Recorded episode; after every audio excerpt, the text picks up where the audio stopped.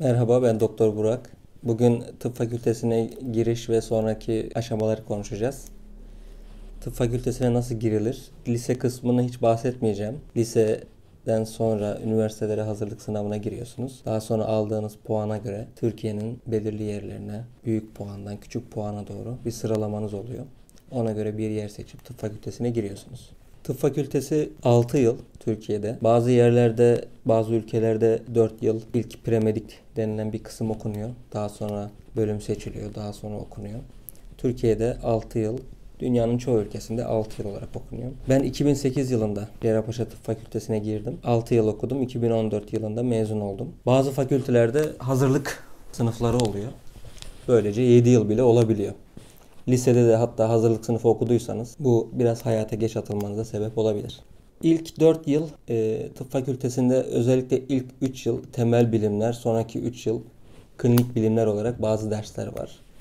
Temel bilim derslerinden anatomi belki en çok duyulan derslerden biri, mikrobiyoloji, patoloji, farmakoloji, ilaç bilimi ya da genetik olabilir, biyofizik olabilir, biyokimya, olabilir. Bu tarz dersler görülüyor. Sonraki 3 yılda da klinik bilimler, dahiliye olabilir, pediatri, kadın doğum, genel cerrahi, kalp damar cerrahisi, kardiyoloji, çocuk cerrahisi şeklinde bu tarz dersler var.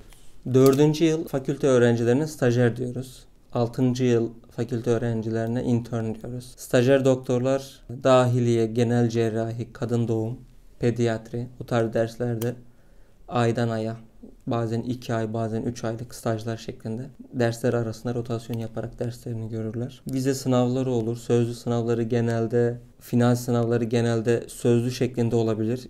Bazıları yazılı şeklinde yapabilir. Ama çoğunlukla hoca sözlüsü olur. Bir grup arkadaşınızla beraber hocanın karşısında hoca size soru sorar. Onlara cevap verirsiniz. Buna stajyerlik dönemi diyoruz. Sonra 5. sınıf var. 5. sınıfa geçtiğiniz zaman da ee, daha küçük branşlar işte kulak, burun, boğaz, göz, kalp damar cerrahisi, göğüs cerrahisi gibi, çocuk cerrahisi gibi nöroloji olabilir. Bu tarz stajlarda genellikle bir ay, maksimum bir aylık stajlar şeklinde olur bunlar. Bir yılı da bunlarla geze geze stajları yapa yapa öğrenirsiniz. Beşinci sınıf bu dediğim şekilde oluyor. Daha sonra altıncı sınıf internlük kısmı. Burada yazılı sınav yok. Burada tamamen bölümler arasında orada bir çalışan doktor gibisiniz. Yani mezuniyetten önce ve öğrencilik arasında bir şey. Çalışıyorsunuz orada. Hatta son zamanlarda bizim zamanımızda başlamıştı. İntern doktorlara maaş verme meselesi var. Belki bir 300 lira 500 lira olabilir. Şu anki miktarı net olarak bilmiyorum aylık ücret alıyorlar. İntern doktorlar ne yapıyor? Servisteki bütün işleri yaparlar. Hemşirelik işinden tutun, personel işlerinden tutun, doktorluk işleri, her türlü iş. Tansiyon ölçme olsun, hastayı getir götür işleri, hastaya bir şey lazımdır, bir şey alınır, getirilir, götürülür. Maalesef Türkiye'de intern her yerde kullanılır. İnternlük bittikten sonra diplomanız Sağlık Bakanlığı'na gönderiliyor. Bu artık mezun oldu. E, doktor olarak kabul ediliyorsunuz.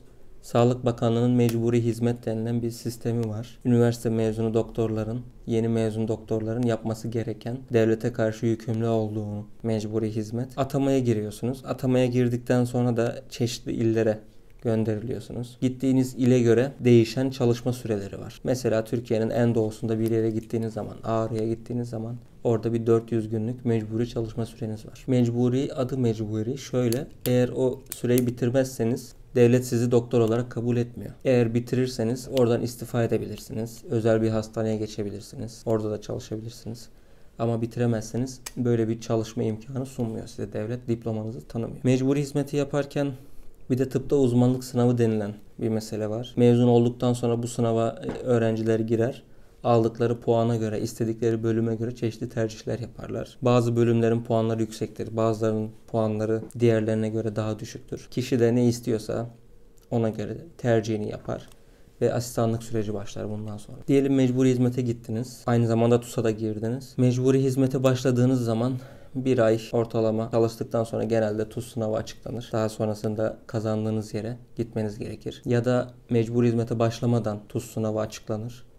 Hiç başlamadan gideceğiniz yere gitmeden direkt kazandığınız yere, asistanlık yapacağınız yere gidebilirsiniz. Asistanlık seçtiğiniz bölüme göre değişir. Genelde cerrahi branşlar 5 yıl, dahili branşlar genelde 4 yıl, aile hekimliği 3 yıl şeklinde asistanlık süreleri var. Bu asistanlık sürelerinden sonra devletin yine tekrardan mecburi hizmet Uzmanlar için mecburi hizmet zorunluluğu var. Pratisyenken ayrı mecburi hizmet, uzmanken ayrı mecburi hizmet, yandal uzmanı olduğunuzda ayrı mecburi hizmet.